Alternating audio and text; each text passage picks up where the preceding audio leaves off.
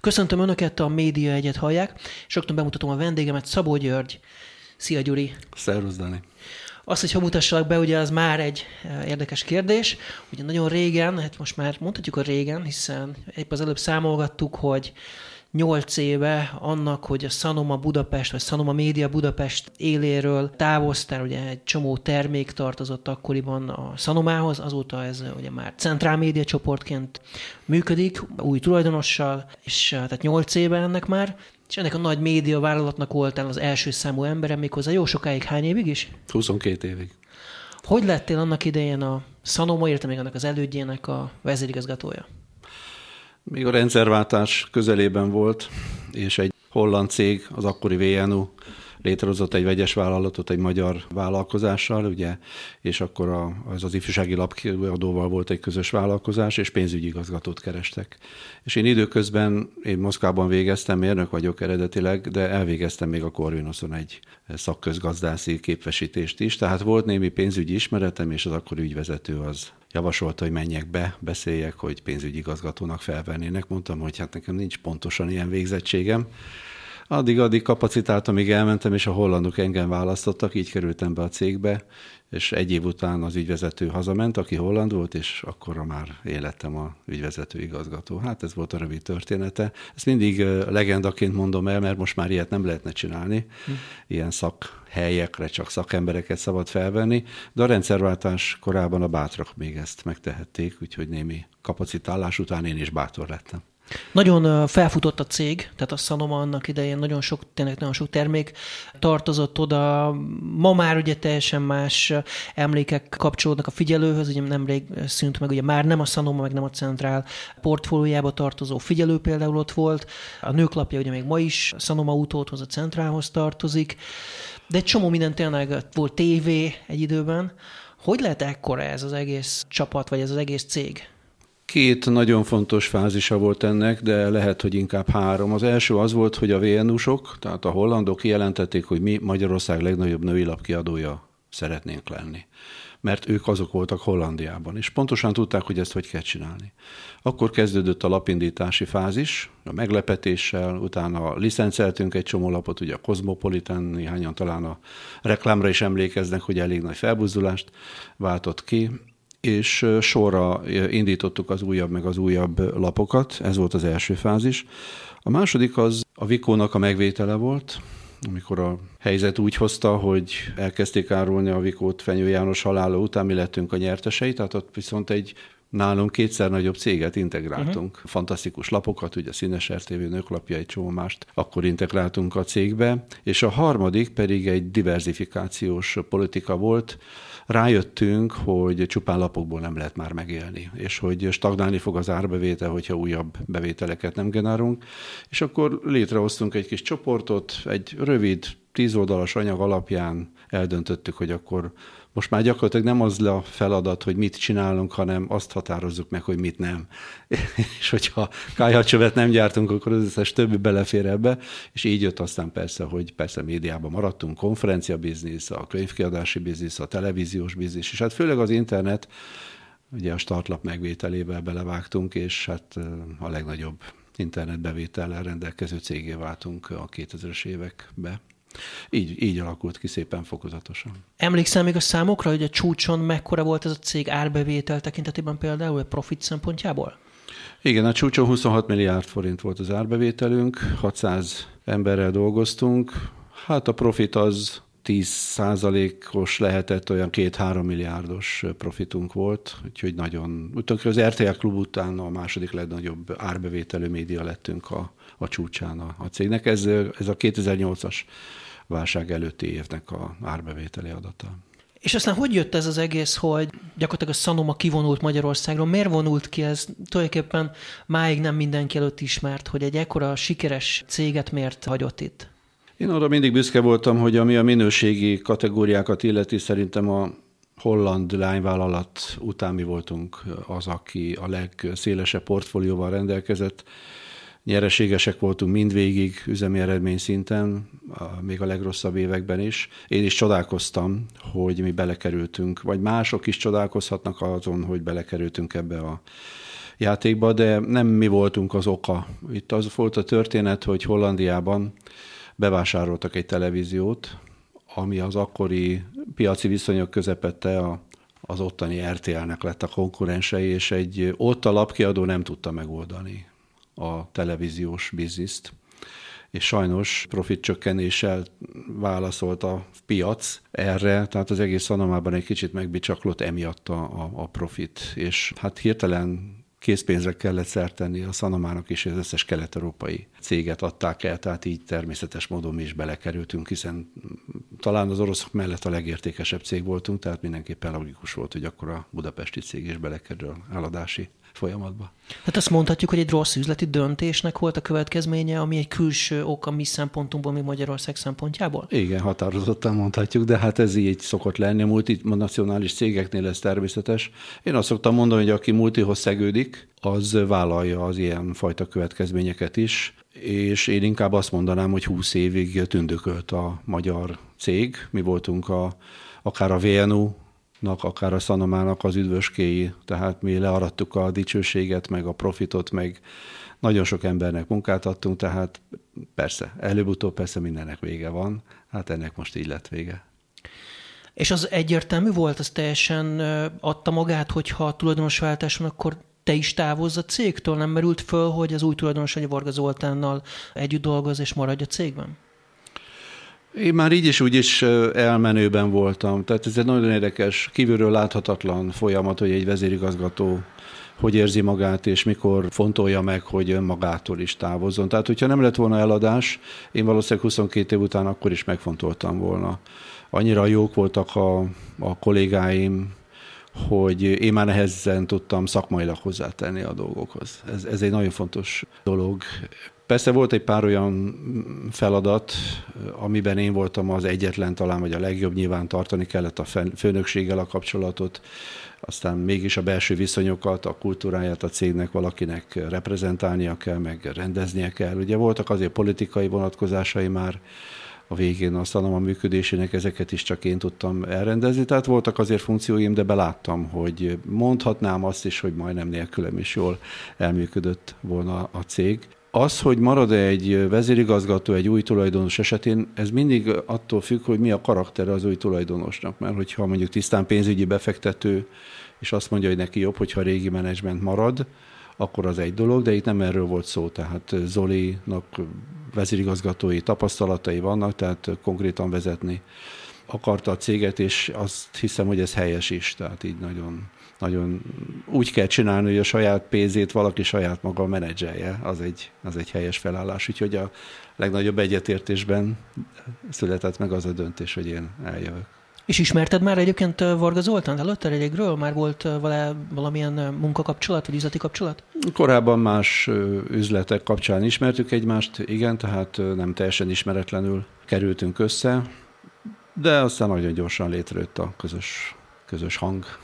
Ugye utaltál arra, hogy politika, hogy el kellett rendezni. Annak idején, amikor ez váltás, ez a tulajdonos váltás történt, akkor eléggé támadtak is téged a, a Story 4-en, ugye indult akkoriban a Hír 24 híradó, és akkor nagyon kaptál a fejedre mindenféle kormánypárti lapoktól, bár azt máig nem értem, hogy igazándiból miért, mi volt ennek a, az oka, de, de azért ez érdekelne, hogy ezt te hogy élted meg. Hát amit akkor a fejemre kaptam, az nem emiatt volt. Tehát nem állítom, hogy nem volt konzultáció a Story, Story 4 hírműsora kapcsán. Sajnos volt, ezt kell mondjam. Tehát bár azt gondolom, hogy egy média cégnek teljesen autonómnak kell lenni abban, hogy milyen típusú műsort hoz létre, de ezt elegyengedtük, hogy így fogalmazzak. A problémásabb helyzet akkor volt, amikor lekámadót akarta bevezetni a kormány, és akkor teljesen legitim egyeztetést tartottunk a médiavállalkozások és a médiavásárlók között. De hát ennek az egyeztetésnek a belső információi mondhatnám úgy, hogy kiszivárogtak, és ebből aztán nagy felhajtás lett. Ezt a mai napig eh, nem értem, hogy miért egy eh, normálisan működő országban minden szereplőnek, gazdasági és társadalmi szereplőnek el kellene ismerni azt a jogát, hogy lobbizzon vagy fellépjen az őt hátrányosan érintő intézkedések ellen, és ebből nem szabad kormányellenes hangulatot csinálni. Ráadásul itt az előbb beszélgettünk is a média belső viszonyairól ma. Én azt gondolom, hogy kell lennie egy belső szolidaritásnak, és a médiavállalatok között az a szolidaritás, ami korábban megvolt, ez alkalommal nagyon felbomlott, és ezt a mai napig is nehezményezem. Bár akkor volt egy nagy tüntetésszerű, ugye a tévék elsötétültek, ki volt írva, hogy tiltakozunk a reklámadó ellen, portálokon is ugye volt egy nagyon nagy összefogás, még Simicska Lajos is ugye elsötétítette az ő oldalait, aztán ugye később szakítottak, és ugye a miniszterelnökkel, akivel addig jó kapcsolatot ápolt, nagyon jó viszonyt ápoltak, ugye. Tehát volt azért végül is egy összefogás, tehát végül is összejött ez a nagyiparági egyesség arról, hogy ez a reklámadó, ez mennyire káros, és aztán valamiféle közös fellépés volt. Az más kérdés, hogy eredménye nem nagyon lett, hiszen bevezették a reklámadót. Igen, hát ez arra utal, hogy a média már nem játsza el, legalábbis Magyarországon nem játsza el azt a szerepet, ami eredetileg neki lett számva, vagy amit még Nyugat-Európában eljátszik a média. Tehát itt már komolyan megrendült, úgy gondolom, a médiának a hatalom ellenőrző szerepe, és nem tud működni úgy, mint a bizonyos tekintetben a népnek a, a, a megnyilvánulási felülete, vagy a nép kritikája, és hát emiatt nem is olyan jelentős lobby erővel rendelkezik. Tehát elég könnyű a médiát lenyomni, hogy így fogalmazok, arról nem is beszélve, hogy az államtól hihetetlen nagy mértékű hirdetések árasztják el a médiát, vagy annak egy részét, nem az egészet, mint ahogy tudjuk. Következésképpen ki van téve a média az államnak. Ez szintén nem szerencsés helyzet, hogy finoman fogalmazzak. Uh-huh. És aztán lehet reklámadó, aztán végül ugye eltörő, egy fölfüggesztették ide, de most ugye megint ráadásul jön vissza. Ez um, hogy látod, hogy ez mennyire káros, vagy mit gondolsz erről? Én azt gondolom, hogy persze a médiának van egy kitüntetett szerepe, de azért lássuk be, hogy a média ugyanolyan gazdasági szereplő, mint bárki más. Tehát, hogyha a média azt mondja, én mindig ezt mondtam, hogy például függetlenség, véleménynyilvánítási függetlenség csak akkor van, hogyha a médiavállalat nyereséges. Ez arra utal, hogy amíg nincs rendes pénzügyi teljesítmény, addig aztán fogja lesz a média mindenféle erőknek, ez arra utal, hogy igenis el kell ismerni, hogy a médiavállalkozások elsősorban gazdasági vállalkozások.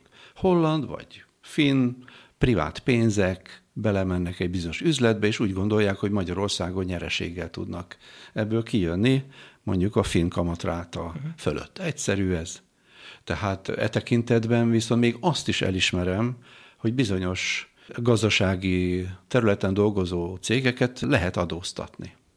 Tehát én önmagában nem vagyok az ellen, hogy, hogy legyen reklámadó. Hát persze, hogy nem jó, mindenki ezzel ellen tiltakozik, de önmagában egyébként nem csorbítja a véleménynyilvánítás szabadságát egy adó, csak annyiban, amennyiben mondjuk egy médiavállalkozást veszteségesé tesz, ha az mhm. addig nyereséges volt, és a veszteséges médiavállalkozás akkor már nem tudja ellátni ugye ezt a politikai vagy társadalmi funkcióját sem. De hát ettől még tekintsük a médiavállalkozásokat ugyanolyan vállalkozásnak, mint bármi mást, és mi is viselkedjünk úgy, tehát ne keverjük össze a politikát a gazdasággal, azért ezt fontosnak tartom megemlíteni. De ugye ott az is a probléma volt, hogy nem azonos volt a kulcsmértéke, bizonyos, mondjuk a TV, az RTR-re valamilyen 40 vagy 50 százalék körüli adót vetettek ki, aztán a később ugye korrigálni kellett, tehát hogy nem volt teljesen igazságos az, hogy kire mekkora összeget vetettek ki, illetve az, hogy árbevétel alapú volt, tehát, Igen. hogy nem a nyerességet adóztatta, hanem azt is, aki egyébként mondjuk veszteségesen működött. Hát az árbevétel alapú adókkal sincs bajom, ugye az áfa az egy árbevétel alapú adó. Tehát van ilyen nagyon sok a világon, és bizonyos tekintetben jobb is, mert a nyereséget mindig lehet manipulálni ilyen vagy olyan módon, ezt is tudjuk nagyon jól. Tehát nem szeretnék abban a szerepben lenni, hogy alulról a mikrogazdaság felül ítélem meg ezeket a helyzeteket. Az utóbbi években egyre inkább eltávolodtam a mikroszintektől, és már nagyon globálisan igyekszem nem csak az országot, hanem a világot is nézni is. Lehet ezt felülről is nézni, hogy azt mondja, hogy oké, okay, árbevétel alapú. Csak ez elvisz egy tágabb értelmezéséhez annak, hogy a kis és a nagy vállalkozásokkal hogyan bánunk Magyarországon. Én azt merem állítani, hogy minél nagyobb egy cég, annál hatékonyabb. Az, hogy kisvállalkozások vannak Magyarországon, az csupán egy kényszer. Csehországban fele annyi cég van, mint Magyarországon, ebből az következik, hogy egy cég átlag árbevétele mondjuk kétszer annyi vagy majdnem háromszor, mert a cseh GDP az másfélszerese a magyarnak, mint egy magyar cégé. Tehát itt szétaprózódott kis semmi cégek próbálnak túlélni a piacon. Én értem, hogy a kormányzat próbálja őket támogatni, de nem azért támogatja nyilván őket, mert a hatékonyságukat szeretné emelni, hanem hogy a munkaerőpiacra ne ömöljön rá az a sok egyéni vállalkozó, egyébként, aki tönkre menne más formában. Tehát emiatt én szociáldarvinista vagyok, tehát én azt gondolom, hogy akinek meg kell halnia, és kis cég, az haljon meg, illetve nem fog meghalni, hanem el kell menni munkavállalónak. És kész. Tehát más országokban ez így van. Úgyhogy ezért tartom igazságtalannak is, meg hihetetlen rossz megközelítésnek a magyar gazdaság struktúrájának az alakítása szempontjából azt, hogy a kis vállalkozásokat kiemelgetjük, itt a terhek alól a nagyokat meg jól sújtogatjuk. Szóval előbb-utóbb eljön az idő, amikor nem lesz multi, amelyik ide szeretne jönni az országba, mert eleve tudja, hogy hátrányos megközelítésben lesz része. Na ezt akartam kérdezni egyébként, hogyha most téged megkérdezne valaki, hogy én egy befektető vagyok, és jöjjek-e Magyarországra, indítsak-e itt egy médiavállalatot, akkor lebeszélnéd? Mindenképpen. Tehát ez nem egy nyílt médiapiac, itt nincs verseny, itt állami függőség van, Szerintem értelmes ember ide most a médiapiacra nem jön be. És ez, ez már nem is kell nagyon konzultálni helyi erőkkel ahhoz, a nemzetközi hírekből is ez egyértelmű.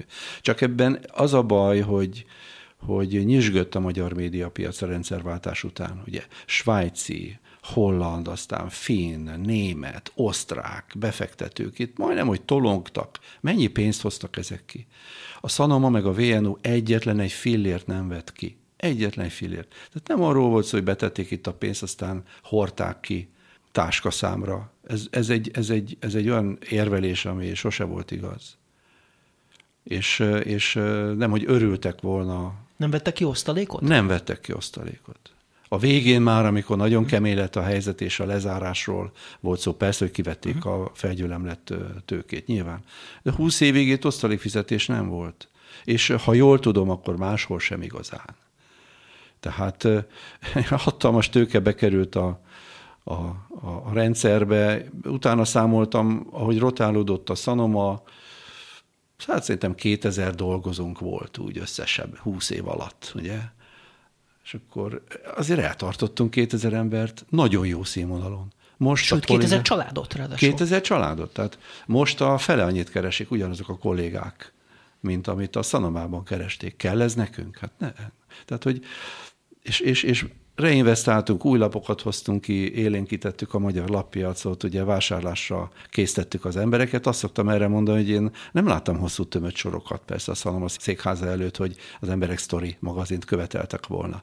Csak hát voltunk olyan eszesek, meg meg ügyesek, hogy mégiscsak kihoztunk egy olyan terméket, amit aztán az emberek megvettek. Hát ettől pörög a GDP, nem? Hát, hogy, hogy, hogy kreatív termékekkel kijönnek a, a vállalkozások, és emelik a magyar GDP-t. Tehát ezt így, most így nem. Tehát a média szerintem így minimális mértékben járul hozzá a magyar GDP-hez. Mit lehetne tenni, hogyha ezt valahogy vissza kéne állítani a normál körülményekre, tehát azt, hogy újra jöjjenek ide befektetők, akik ugye most ugye elvonultak Magyarországról.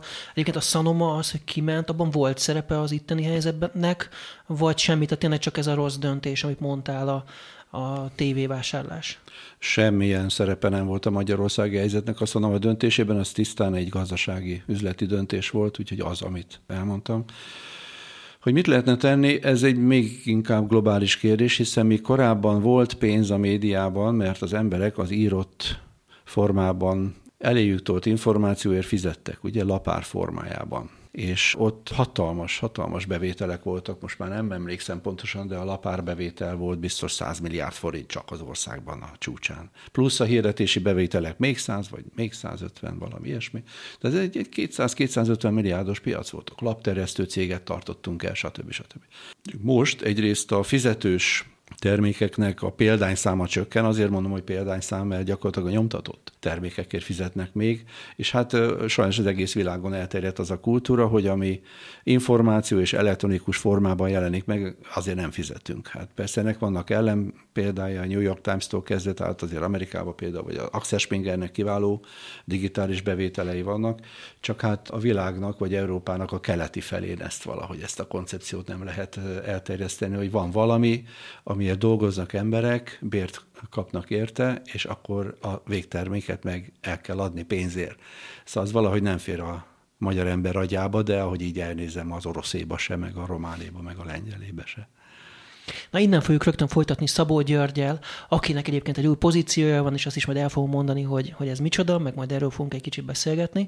Tehát Szabó György, a Sanoma Média Budapest egykori vezérigazgatója a vendégem, és egy új pozícióról is mindjárt beszélgetünk. A szünet után jövünk vissza. Továbbra is a média egyet hallják a kis szünet után, vendégem pedig Szabó György, akit az előbb ugye úgy mutattam be, hogy a Sanoma Média Budapest volt vezérigazgatója 2014-ig, amikor is a Sanoma kivonult Magyarországról, és aztán a céget eladták, és lebelül egy Central Média csoport. Tehát, Gyuri, ami után te távoztál a Sanomától, miket csináltál, és most ugye van egy új munkaköröd, egy új pozíciód, akkor erről is egy kicsit beszél, egy szíves. Egyrészt készültem a távozásra, itt csak a tapasztalatok okán említeném meg, hogy a Menedzserek Országos Szövetségének az elnöke voltam három évig, és nagyon sok szituációt láttam, hogy vezérigazgatóknak megszűnik ez a kiváltságos helyzetük, hogy ők vezérigazgatók, és van, aki nagyon jól összetudta tartani magát, van, aki meg elveszett. Tehát én felkészültem erre, és még a távozásom előtt létrehoztam a cégemet, egy üzleti tanácsadó céget.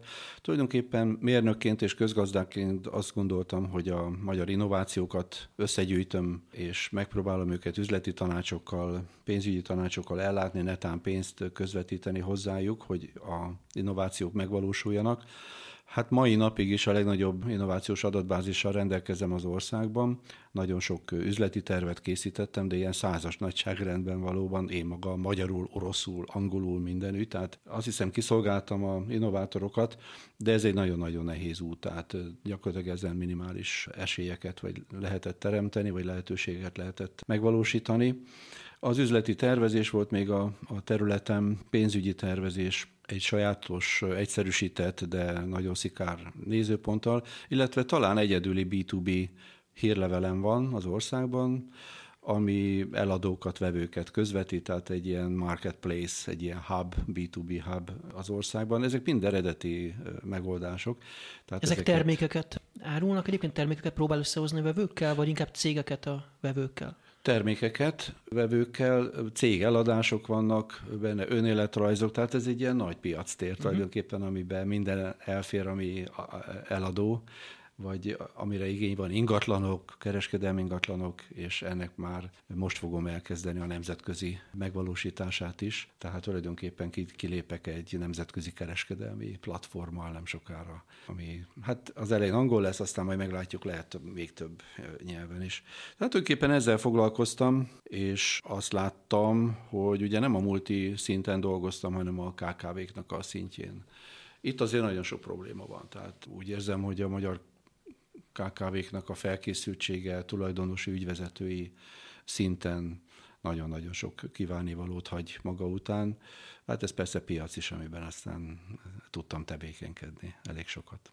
Ez alatt, az időszak alatt az nem fordult meg a fejedbe, hogy visszatérj a médiába, vagy teljesen le akartad zárni, vagy nem lehetett, tehát a lehetőségek, vagy a helyzet maga nem tette lehetővé, vagy nem is vonzott eleve? Hát nem vonzott, tehát olyan médiacéget nem láttam, amelyikben tudtam volna tevékenykedni. Én úgy látom, hogy a média ezen koncentrációja, ami lezajlott az országban, ez ugye a versenyt tulajdonképpen lelassítja, vagy nagyon megnehezíti, én viszont versenypárti vagyok. Tehát semmiképpen nem tudok részt venni olyan szervezeteknek a működésében, amelyek félmonopól helyzeteket élveznek, vagy pedig ha viszonyok nem piaciak. Tehát én azt gondolom, hogy ebben nem volt, nem volt szerepem. Azt szoktam mondani, hogy életem leghosszabb kirándulását tettem a médiába, hiszen nem erre születtem, nem erre vagyok kiképezve, és mégis. De hát ennek az évnek ott úgy érzem, hogy, hogy vége lett. És azt is láttam, hogy ha nincs pénz egy bizonyos piacban, akkor nincs értelme gondolkodni azon, hogy ott dolgozzon az ember. És már nincs pénz a médiapiacban? Tehát már csak ezek az állami dolgok tartják életben a, a magyar médiapiacot gyakorlatilag? Képzeljük el, hogy nincs állami pénz, és képzeljük el, hogy nincs koncentrált médiapiac. Akkor hogy néz neki ez a magyar médiapiac? Én úgy látom, hogy a hirdetési bevételek, azok, vagy a hirdetési költések, ugye a sajtóból mennek ki, azért ezt lássuk be. Példányszámok mindenképpen csökkennek, és az internetben pedig már nem média jellegű. Tehát ott már, már a, a, a kattintási konstrukciók mennek, tehát sokkal direktebbek, nem klasszikusan média jellegűek a költések, és hát olcsóbb is lett. Az internet szerintem leolcsósította a reklám tevékenységet, tehát távolról sincs annyi pénz már a médiában, mint, mint korábban. Hát akkor nincs annyi. Aha. Nincs. Ez alatt az időszak alatt az nem merült föl benned egyébként, vagy nem voltak ilyen terveid, hogy uh, politikában egy kicsit kipróbáld magad? Volt valami ez ügyben, nem? Valami, valami rémlik, valami, valami ott az olimpia körül például, talán a... Hát még a legelső kísérletnél benne voltam a Budapesti Olimpiát mozgalom elnökségében, az még szanamás Tehát az olimpia párti Ez egy olimpia párti volt. Akkor én azt gondolom, hogy még talán nem volt irreális. Egyébként nem vagyok olimpiapárti, már főleg. Leginkább azért, mert mi korábban talán a gazdasági teljesítményünk elbírta volna, de most már nem. Tehát most már kifejezetten nehéz időket élne meg Magyarország, mint ahogy Atén is szenvedi, vagy szenvedte az aténi olimpiának a következményét. Most már nem vagyunk elég erősek egy olimpiához, ezt, ezt gondolom. Persze, hát amikor eljöttem, ott a, a, a figyelőben volt azt hiszem egy interjú, ott persze megemlíti az ember, hogy miért ne lehetne az ember miniszterelnök, de hát be kell látni, hogy ugye ezeknek a, a pozícióknak a, a ellátására mindenképpen pártpolitikai úton le, van csak lehetőség. Nem csak Magyarországon, ez az egész világon így van, ahhoz pedig azért nem volt ambícióm, hogy most akkor kizárólag pártpolitikai területen tevékenykedjek, tehát tulajdonképpen irreálisá vált egy ilyen mondjuk úgy, hogy akár még fiktív ambíció is. Hát azért politikával mindig foglalkoztam, de az a helyzet, hogy tulajdonképpen most már nem látok olyan politikai mozgást, és most az egész világról beszélek, egész világról beszélek, amelyekkel nagyon könnyű lenne azonosulni, és ez a hagyományos bal meg jobb oldal elveszítette a jellegét. Ezt azzal szoktam demonstrálni, én kiszámoltam, hogy mennyi a világon az átlag jövedelem egyfőre ez nagyon kevesen foglalkoznak ezekkel a kérdésekkel. Erre van egy metodika egyébként. És ez az átlag jövedelem havi 120 ezer forint. Tehát olyan most már több 400 dollár egyébként, uh-huh. ha visszaosztjuk a világ GDP-jét, a lakosság számmal és így tovább. Meg nem mindegy, hogy milyen forint euró árfolyammal, milyen forint dollár árfolyammal Igen. számolunk. Régen még 300 romlott. forinttal számoltam, ezért jött ki nekem a 400 dollár 120 ezer forinttal, de legyen 160 ezer forint, tök mindegy. Uh-huh. Tehát, hogyha Bill Gates is ugyanannyit kapna, mint az etióp uh-huh. átlagpolgár, akkor lenne a világon a 100, legyen most 160 ezer forint a jövedelem. És én azt gondolom, hogy ez iszonyúan kevés. Tehát gyakorlatilag a föld népessége ott tart, hogy nem tudja önmagát eltartani, és hogyha pici a torta, már pedig ez azt jelenti, ugye, akkor annak a szeletelése az csak konfliktusos úton mehet végbe, és ebből adódik a világ összes baja, a háborúktól kezdve a migráció téma, mert az emberek mindig oda mennek, ahol többet kapnak, mint ahol élnek. Ez ilyen egyszerű. És hogyha a jobboldali nézőpontokat nézem, akkor ez azt jelenti, hogy ők mondjuk konzervatívak. Hogyha konzerválni akarjuk ezeket a viszonyokat, ezeket a jövedelmi különbségeket, meg azt a helyzetet, hogy nem tudunk eleget termelni, nekem jöhet bárki ezekkel az alacsony GDP hülyeségekkel, tehát akkor, akkor az baj, ugye, mert ez így nem maradhat változatlanul, tehát a konzervativizmusnak, ami a jobb oldal véleményem szerint ezért nincsen terepe, mert a megújulásra nem képes. A baloldallal az a gondom, hogy ha azt mondjuk, hogy osszuk el egészségesebben, meg igazságosabban a anyagi javakat, osszuk el, akkor az a szám jön ki, amit én az előbb mondtam, uh-huh. Mhm. elosztottunk mindent szépen, és akkor 160 ezer forintból érdegélhet az egész világ népessége. Tehát tulajdonképpen e tekintetben ez is egy retrográd megközelítés. Tehát, hogyha nem találunk ki valami teljesen újat, akkor elvesztünk. Elvesztünk és nincs új egyelőre, lehetne, van egy pár gondolatom erről, de, uh-huh. de azért önálló ideológiává még ezek nem fortak ki. Az biztos, hogyha egy ember nem termel többet anyagi jószágban, mint eddig, akkor nem lesz megoldás. És nekem itt jöhetnek a természetvédők, meg a klímavédők, hogy meg a, a nyugat túlfogyaszt. Hát nem az a jó, hogyha az embernek sok van, meg jó van. Értem, hogy sokan túlfogyasztanak, de ezt nem lehet eladni Afrikában ma még hogy túlfogyaszt az emberiség. Álljon meg a menet. Ott az a feladat, hogy egyáltalán fogyasszon annyit, amennyi a jóléthez kellene. Tehát a világnak nem a túlfogyasztás az igazi problémája, hanem az alultermelés. Lehet, hogy neked egy szakértői kormány kellene, mint mondjuk a bajnai kormány volt, ugye, hogy nem egy párt állt úgy igazán mögötte, bár azt ugye látjuk, hogy annak is vége lett ugye rövid időn belül. Hát annak azért lett vége, mert választások következtek, tehát ott kötelező volt, hogy vége legyen. Én ilyenkor azt szoktam mondani, hogy van-e a világon szakértői kormány, amelyik hosszú távon irányít? Nincs. Nincsen. Nincsen. Tehát kormányok csak politikaiak tudnak lenni, és valószínűleg ez így helyes, hiszen egy parlamentnek referálni kell, tehát nem lehet függetlennek lenni attól, hogy milyen a választói akarat ez nem így, nem így működik. Attól még, mert egy kormány politikai kormány, attól még működhetne szakszerűen, csak ilyen nagyon kevés van a világon, ilyet tulajdonképpen Észak-Európában látok.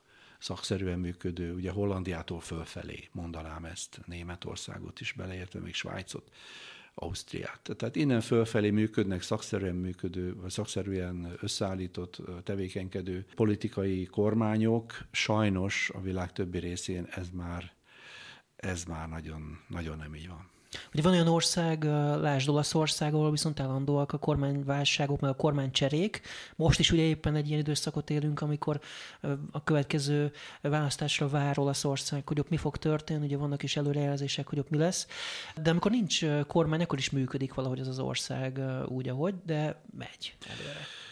Én másfél évig Prágában dolgoztam, uh-huh. vezettem a prágai szanomát, és ebből a másfél évből 11 hónap olyan hónap volt Csehországban, amikor nem volt kormány.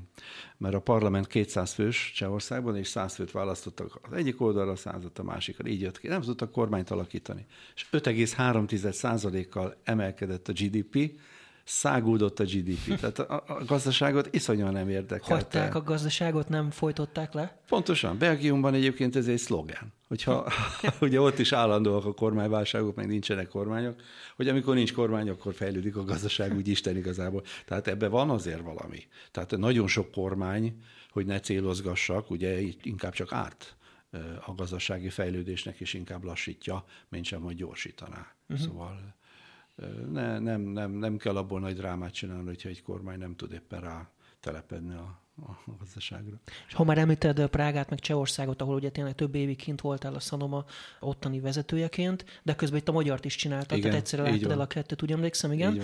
Mi volt más ott kint a magyarhoz képest, tehát mennyi, hogy élted meg azt az időszakot, és egyébként gondolkodsz azon, hogy mondjuk külföldön próbálj szerencsét, esetleg a későbbiekben?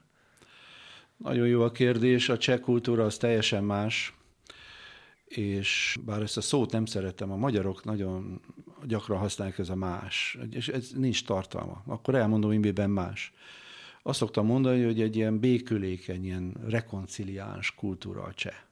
Ott például nincs alku. Tehát az üzleti partnerek azok nem nyomogatják le az árakat, mint a isztambuli bazárban. Ezt én megtapasztaltam ott. És tehát e tekintetben szoftosnak is lehetne nevezni ezt az üzleti kultúrát, csak van két hihetetlen nagy előnye.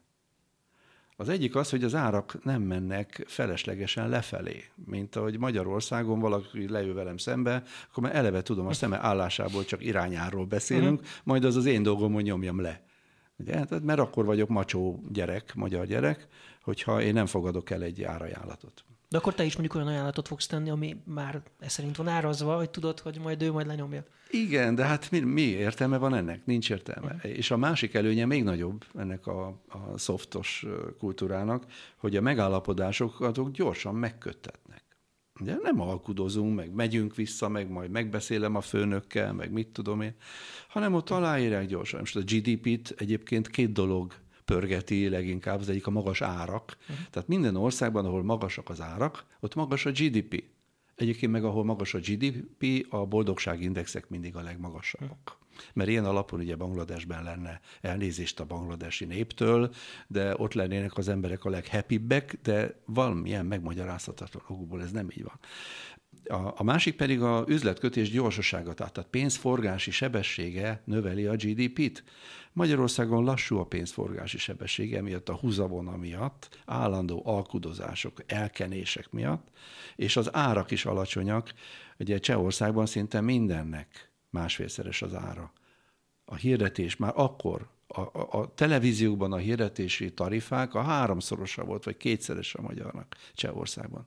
És, és, és, és magas szinten pörgött a pénz. Ezt kellene csinálni nálunk is. Hm. Érdekes, amit mondasz. És egyébként az, hogy külföldre kacsingatni, ez még úgy benned van? Megvan még ez?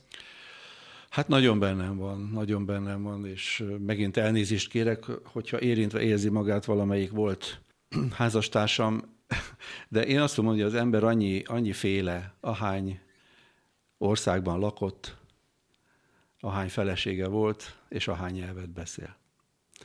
És e tekintetben nagyon szívesen laknék még más országban. Főleg Európa vonz egyébként, mert azt gondolom, hogy nagyon-nagyon méltatlan Európával szemben lebecsülni ezt a teljesítményt. A világnak még mindig a legfejlettebb térsége Európa. És ezt azok a népek szenvedték ki, akik Európa területén végigéltek. Végigéltük ugyanígy mi, ugyanazokat a szakaszokat, mint amilyen nehéz helyzetben ma más országok vannak, úgyhogy nem, nem a kolonizáció, nem a gyarmatosítás hozta itt a nagy jövedelmeket és más népeknek a lenyomása, ezek mind hazugságok, hanem az európaiak létrehoztak egy olyan kultúrát valahogy ezen a kis területen, ami végül is a legmagasabb fejlettséget létrehozta ezen a világon. Tehát én emiatt Európa párti vagyok, és Európában keresem a helyemet, úgyhogy van három-négy ország, amit most fontolgatok, és abszolút nem tartom kizártnak, néhány év múlva elmegyek. Európa most viszont elég krízis helyzetben, ugye energiaválság, most asszály, meg egy csomó minden probléma itt egyszerre. Milyennek látod Európa jövőjét, meg egyetem Magyarország jövőjét? Vannak, vannak azért pozitív jelek? Van optimizmusra is ok? Hát egyrészt könnyű lenne azt mondani, hogy Európa eddig is tulajdonképpen mindig megoldotta a válságait. Azért lássuk be, tehát hogy annyi háború dúlt az Európát, kibékültek a, a nagyhatalmak, a felvilágosodás egy hatalmas forradalmat hozott, teljesen átalakította Európát, aztán létrejött a, az Unió, aminek egyszerűen nem lehet túlbecsülni a fontosságát. Hogy német és francia, az, is, az most már nem, nem tud ellenség lenni, azért ez egy hatalmas dolog. Tehát, hogy én bízom abban, hogy ez a megújuló erő, ami eddig is benne volt az európaiakban, ez a jövőben is meg lesz, mert ehhez megvan a tudományos alap, és van egy elég jó spirituális alap, ez a kulturális alap, ugye ez a, mégis én azt mondom, hogy ez a keresztény zsidó kultúra azért még mindig minden probléma ellenére, tehát az egyháznak a működését is lehet kritizálni, de mégiscsak azt kell gondolnom, hogy ez a ez a, ez a gondolatiság, amit mi az európaiak képviselünk, ez, ebben van megújuló erő. Például az energiaválságot biztos, hogy meg fogjuk oldani. Az energiaválság megoldása az nagyrészt tudományos technikai kérdés, egyébként erre már megvannak az innovációk. Uh-huh. De engem például nagyon pozitívan lepett meg az, hogy Németországban a szociáldemokraták azért szenvedtek vereséget néhány tartományi választáson, mert egyrészt nem álltak ki elég keményen Ukrajna mellett, és hogy, hogy ezt az energia átállást nem valósították meg elég gyorsan, elég határozottan. Tehát például a németek pontosan másképpen gondolkodnak, mint a magyar e tekintetben, hogy, hogy a németek meg fogják oldani ezt az energiaválságot, meg fogják oldani technikailag, legyen energia, és kicsit nekünk is nem azon kellene gondolkodnunk, hogy két fokkal hűvösebb lesz télen, akkor ez milyen dráma, hanem azon kéne gondolkodni, hogy vannak dolgok, amelyeket egy kicsit így be kell áldozni, szűkösebben kell majd egy kicsit élni, átmenetileg, mert Európa meg fogja találni a megoldását. Magyarország egyedül nem. Tehát mi nem vagyunk Svájc. Egyetlen egy ország van Európában, amelyik úgy oldja meg a problémáit nagyon magas szinten, ez Svájc, hogy nem tagja ennek a közösségnek. De mi össze vagyunk kötve a a földgázvezetékekkel, elektromos vezetékekkel, stb. Európával, tehát hogyha nálunk hiány van, akkor azért is van Európa, hogy kisegítsen bennünket, és ez az értelme a dolognak. Nekünk a tartalékaink nem olyan erősek, hogy egyedül el tudjunk, el tudjunk lenni. Hú, hát erről is annyi mindent még jó lenne beszélgetni, de az időnk az viszont sajnos nagyon szalad, és még a legfontosabbról, vagy a legújabbról nem beszéltünk. Hát a te új pozíciódról még valójában nem is kérdeztelek, hiszen te lettél most az ENET-nek a nemzetközi kapcsolatokért felelős igazgatója, jól mondtam? Igen, hát van egy szolgáltatás csoport az ENET-ben, amelyik egyébként a GK-nak volt egy lányvállalata, és 20 éve lettek önállóak, és ezért maradt még az internetkutató és tanácsadó megnevezés a cég nevében, de egyeket azért csináljuk is, tehát a kutatással is foglalkozunk, és hát üzleti tanácsadással, közbeszerzésekre való felkészítéssel cégeknek, projektmenedzsmenttel, adatbányászattal. Most éppen a legújabb, nagyon érdekes és vonzó téma a mindenféle üzleti folyamatok robotizációjának a kérdése. Tehát a cégben van egy hatalmas tudás, tényleg egy 200 fős cégről beszélünk, ami, ami ma Magyarországon kifejezetten erősnek számít, és olyan hihetetlen tudás központosul, amit érdemes használni. És az egyik ilyen fejlesztés egy iskolai órarend tervező szoftver, ami tulajdonképpen inkább általánosságban tekinthető egy ilyen erőforrás allokációs feladatnak. Ez csak az egyik megvalósulási formája, teljesen mindegy, de ez most van kész, és ezt a, ezt a programot az egész világon én fogom értékesíteni egy kisebb szervezetnek az élén. Úgyhogy most éppen onnan jövök a cégtől, és, és az urugvái uh-huh. iskola rendszerrel foglalkoztam, és annak, annak a megoldásával, hogy hogy lehet ott a 3000 iskolát elérni azzal, hogy ezt a terméket náluk bevezessük. Tehát inkább külkereskedelmi, tehát marketing tevékenységről van szó, de hát a nemzetközi tapasztalatom itt azt hiszem, hogy többszörösére duzzasztják a cégnek a potenciáját. Egyébként ez az első terméke az enetnek, amelyiket külföldre vinne tulajdonképpen, és én azt remélem, hogy ezáltal egy ilyen exportkultúra, vagy a külpiacokra történő gondolkodás kultúrája is bejön a cégbe, és ez még hatalmas eredményeket tud az enetnek hozni. És ez a pozíció akkor nem is létezett eddig ez a nemzetközi kapcsolatok? Nem, ez, Teljesen nem, ez nem létezett. Tulajdonképpen egy kapcsolaton keresztül elértek engem, és kérték, hogy az önéletrajzomat küldjem be, és akkor az önéletrajzom alapján rájöttek, hogy na, akkor itt a momentum, hogyha már úgyis nagyjából kész van ez a szoftver, akkor érdemes lenne megjelenni a külpiacokon, és hát hadd legyek annyira, nem tudom, álszerény, hogy nehezen találnának jobb embert, aki, aki jobban oda tudna figyelni erre, meg a tapasztalatai megvannak meg. Én, én, nekem nagyon tetszik ez a cég, és nem ismertem őket korábban, de hallottam előadni az üzletág vezetőket is, a rendkívüli intellektualitás koncentrálódik, rendkívüli. És hogy kell elképzelni egy átlagos hetedet? Minden nap bejársz, és minden nap be kell menni, mint egy hagyományos munkahelyen, vagy ez nem így, nem így működik? De így működik, tehát ez egy munkavállalói szituáció. Azért a cég rugalmasságát az is mutatja, hogy havi három nap home office lehetőség van, tehát hogyha valaki szeretné. Én nem használom ki egyelőre, mert azt gondolom, hogy ott bent jobb, hogyha az ember ismerkedik és az információkat össze, összeszedi. De én egyet is értek azzal, hogy, hogy együtt kell lenni. De sokszor elgondolkoztam az, hogyha most vezérigazgató lennék ezekben a hmm. viszonyokban, ilyen Covid utáni viszonyokban, akkor mi lenne az álláspontom a home office történetről. Én nem nagyon engedném. Mert egy cég arról szól, hogy koncentrálja az információkat. A cégnek ez az értelme, hogy új szintre emeli azt az információ összességet, amit az individuumok képviselnek. Azt pedig nem lehet távolságból csinálni.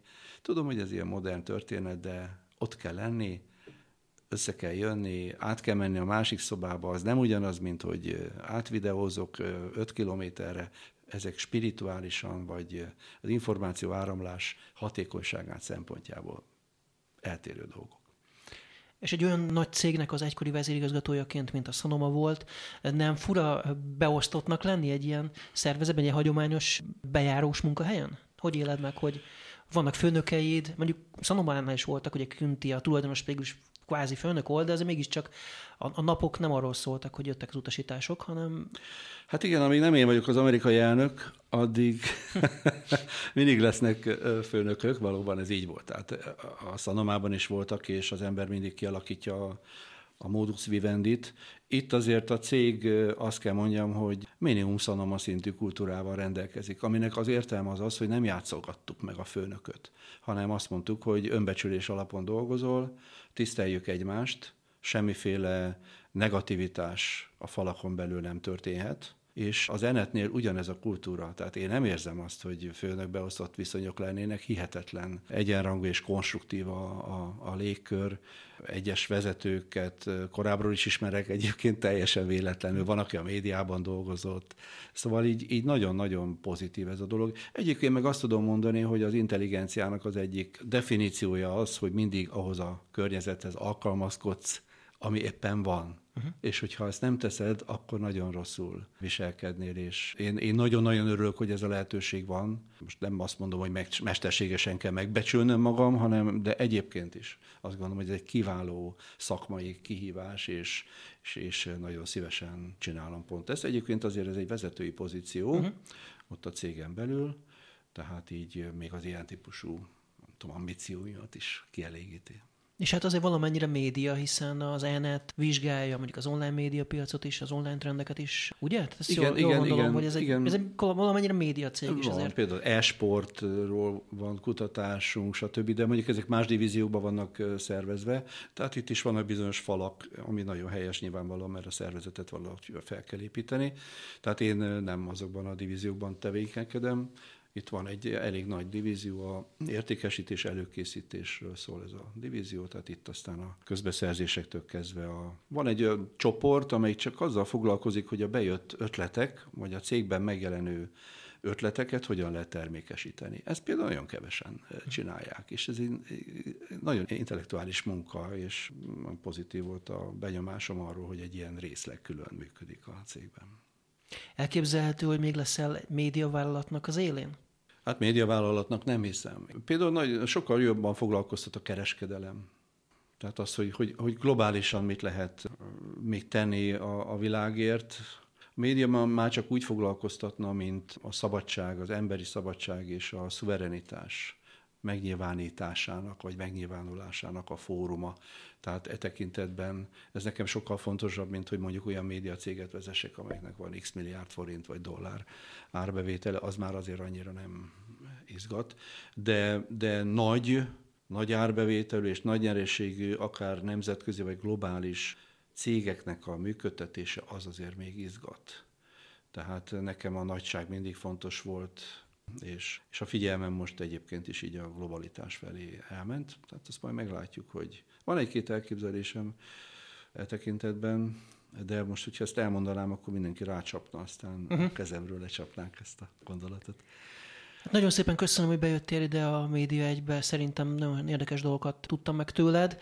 Szabó Györgyel, a Sanoma Média Budapest egykori vezérigazgatójával beszélgettem, aki egyébként most az ENET-nek a nemzetközi kapcsolatokért felelős vezetője, igazgatója. Köszönöm szépen a lehetőséget. Ez volt a Média egy mára. Egy hét múlva jövünk újra, addig is visszagatható az adás a média1.hu-ról, a webcast.hu-ról, Spotify-ról, iTunes-ról, valamint ezt a beszélgetést 11 rádióban is hallhatják. Megköszönöm tehát az önök megtisztelő figyelmét, Szalai Dániát hallották viszont hallásra.